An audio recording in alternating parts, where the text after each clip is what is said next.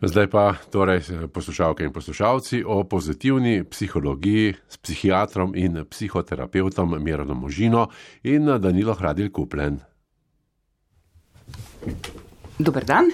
Dober dan. Preden zagrizava uh, v to temo, takoj začetku dajva pojasniti uh, in odgovoriti na kakšne pomisleke. Ne? To pozitivna psihologija ni neko mešanje megle in kvazi pogled na življenje. Ne? Res je, tam leta 1999 nekako ne bi bilo rojstvo te nove smeri, ki je tudi akademska. Prvi študij se je odprl v Ameriki. To pomeni, da je to koncept, ki temelji na raziskavah, to se pravi znanstven, znanstveno področje. Je, tako da to ni mešanje megle, ampak nekaj, kar je seveda dolgo zorelo, celo 19. stoletje je veliko ljudi že šlo v to smer raziskovanja zdravja, recimo saluto. Geneze, uh mhm. -huh. torej kako se poraja in ohranja zdravje, in kaj so mehanizmi, ki človeku ohranjajo zdravje, to je salotodinamika. E, to je celo, celo gibanje, tudi družbeno gibanje je bilo za opolnomočenje, recimo na področju tudi socialnega dela ali pa eh, vseh teh pristopov, ki se ukvarjajo z vključevanjem posameznika, devijantnega v družbo, recimo socialna pedagogika in tako naprej, se je začelo govoriti o polnomočenju, recimo empowerment v angleščini. Skratka, to je bilo celo družbeno gibanje, ne samo strokovno in znanstveno gibanje, ki je zdaj ima en sad, ki mu rečemo tudi pozitivna psihologija. In to ni sajenje rožic v tem smislu, vse bo dobro, vse bo lepo, sam pozitivno razmišljaj, ampak je res ena celost, na celosten pristop človeku. Zato, ker uh, ponavadi je prva misel, ki se ti pritakne v besedi psihiater, terapeut, psiholog, ne? Uh, pomislimo na težave, stiske, skrb, duševne motnje. Ne? Točno tako manj pogosto pa uh, o pozitivni, o zadovoljstvu, o, o, o sreči, na vse zadnje. Oboje tako. je vredno enake obravnave. Ne? Tako, neko ravnovesje kot dve nogi. Uh -huh. Po eni strani, če sprašujemo ljudi in uh, recimo na začetku neke obravnave, bodi si da je psihološka, psihiatrična, psihoterapevtska, s kakšnim problemom so prišli, kaj jih muči, potem Druga, to je ena noga, po kateri jih spoznavamo v procesu recimo neke pomoči.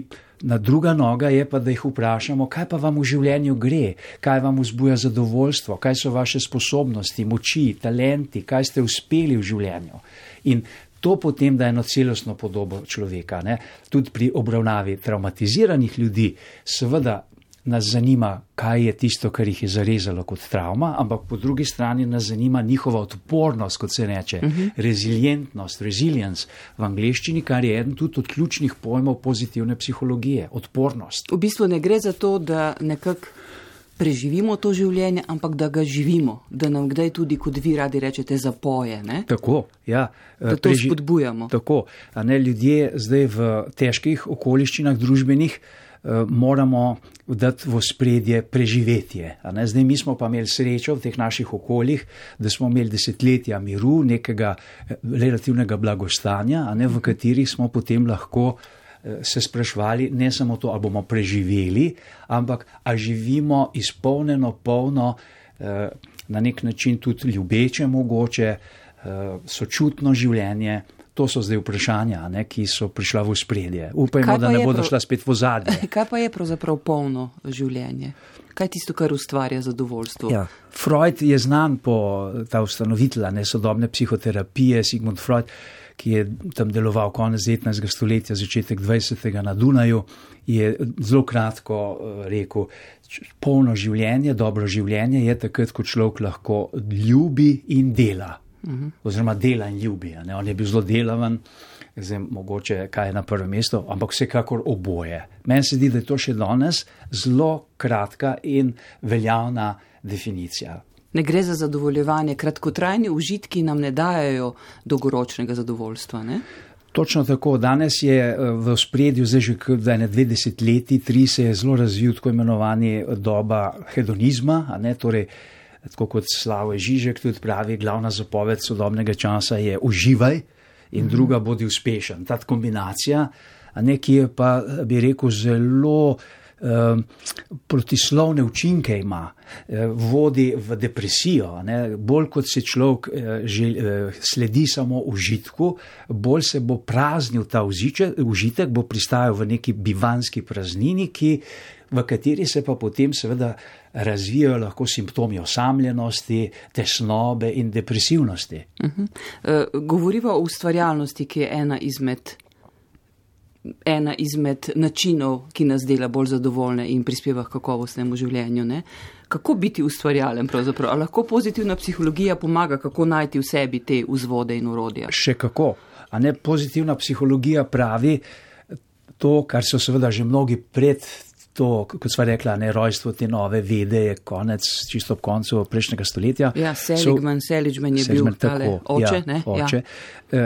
So ugotovili, ne, da ustvarjalnost zahteva neko uh, samoto, ne, to se pravi ne osamljenost, ampak samotnost, da človek ne more uh, najti tistega svojega kreativnega vira in svojega enkratnega izraza, če uh, se boji biti sam.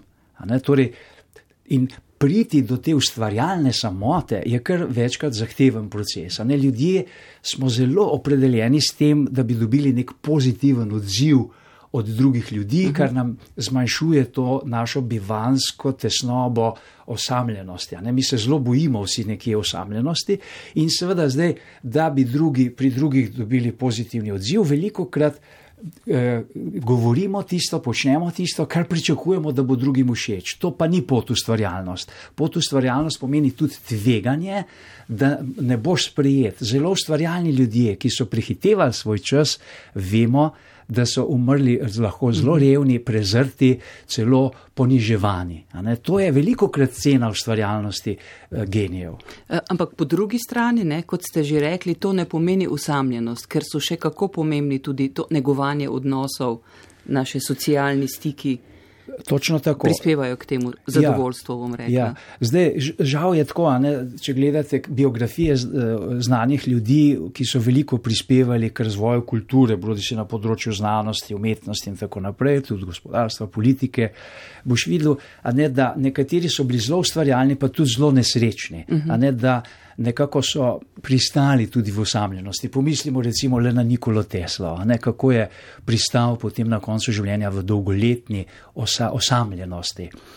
E, torej, Ni tako, da se vse, vedno vse dobro konča. Te dve stvari niso nujno skupaj. Ampak ustvarjalni so lahko tudi, bom rekla, povpreč, na povprečnem nivoju ljudje. Absolutno, seveda. Za, ampak vedno je pa to isto, ista dilema. Uh mhm. -huh. Ali lahko uh, prebijem, tako bi rekel, zvočni zid in pridem na tisto področje, kjer uh, se malo odmaknem od tega, a, a, a, da se stalno sprašujem, ali bo to zdaj priznano, ali me bodo ljudje pohvalili za to. To se pravi, da pridem v neko ustvarjalni tok, kjer se čutim, da je to dovolj, da je tukaj neko obilje, neka.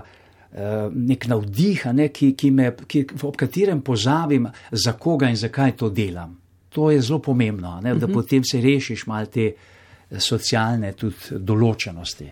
Zdaj, najbrž je um, ena od orodij pozitivne psihologije tudi pomoč, kako najti smisel. Če nimaš smisla v življenju, Točno tako. Ne gre najbolje. No? Prej sem rekel, da so bili že mnogi v, 19, eh, v 20. stoletju predhodniki tega te vede pozitivne, pozitivne psihologije. Eden od njih je gotovo Viktor Frankl, ki je izpostavil smisel kot centralen koncept eh, tako v človekovem življenju, kot tudi v, za psihoterapijo, ki je on poimenoval logoterapija, terapija smisla oziroma smislom. On je v, pri vsakem človeku eh, iskal prav ta vidik, to dimenzijo življenja in je opazil, seveda, da ljudje, ki živijo dlje časa z izgubo smisla, se tam razvijajo razne, razne, razno razne oblike duševnih težav in moten. Lahko. Ne in obratno, človek, ki smisel najde, lahko vzdrži tudi v izjemno težkih okoliščinah. Tako kot je on opisal, a ne svojo izkušnjo v koncentracijskem taborišču. Uh -huh. Ta knjiga je res vredna pozornosti, tudi v slovenščini. Ne? psiholog v taborišču smrti, kljub vsemu rečem življenju da. On tam opisuje točno to, kako je v koncentracijskem taborišču seveda ta smisel se mu rušil in kako ga je na, na novo vedno znova odkrival in mu je to pomagalo, ključno, da je preživel. Se pravi, um, zagotovo ni dano samo po sebi, ne? da boš, kot radi rečemo, nekateri ne glede na status, izobrazbo, premoženje, videz, uh, karkoli, se ti zdi, da stopajo skozi življenje bolj pozitivno. Ampak to ne pride samo od sebe, ne rodiš se s tem. Ne, recimo, če poveževa to vprašanje, zdaj, kar sem pregovoril, smisel, ne pa ustvarjalnost. Oboje mora imeti ta uh, lastni prstni odtis. Smisel ni nekaj, kar ti je dano ali pa kar enkrat postaviš, pa ga imaš.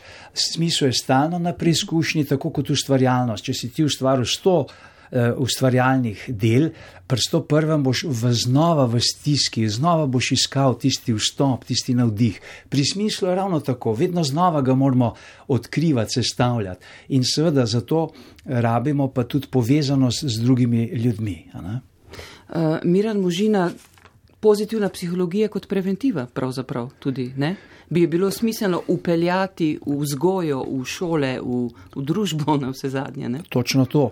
Ne, recimo, eh, ena dilema, ki je že dolgo v vzgoji in izobraževanju v zvezi z recimo, preventivo eh, v zvezi z drogami.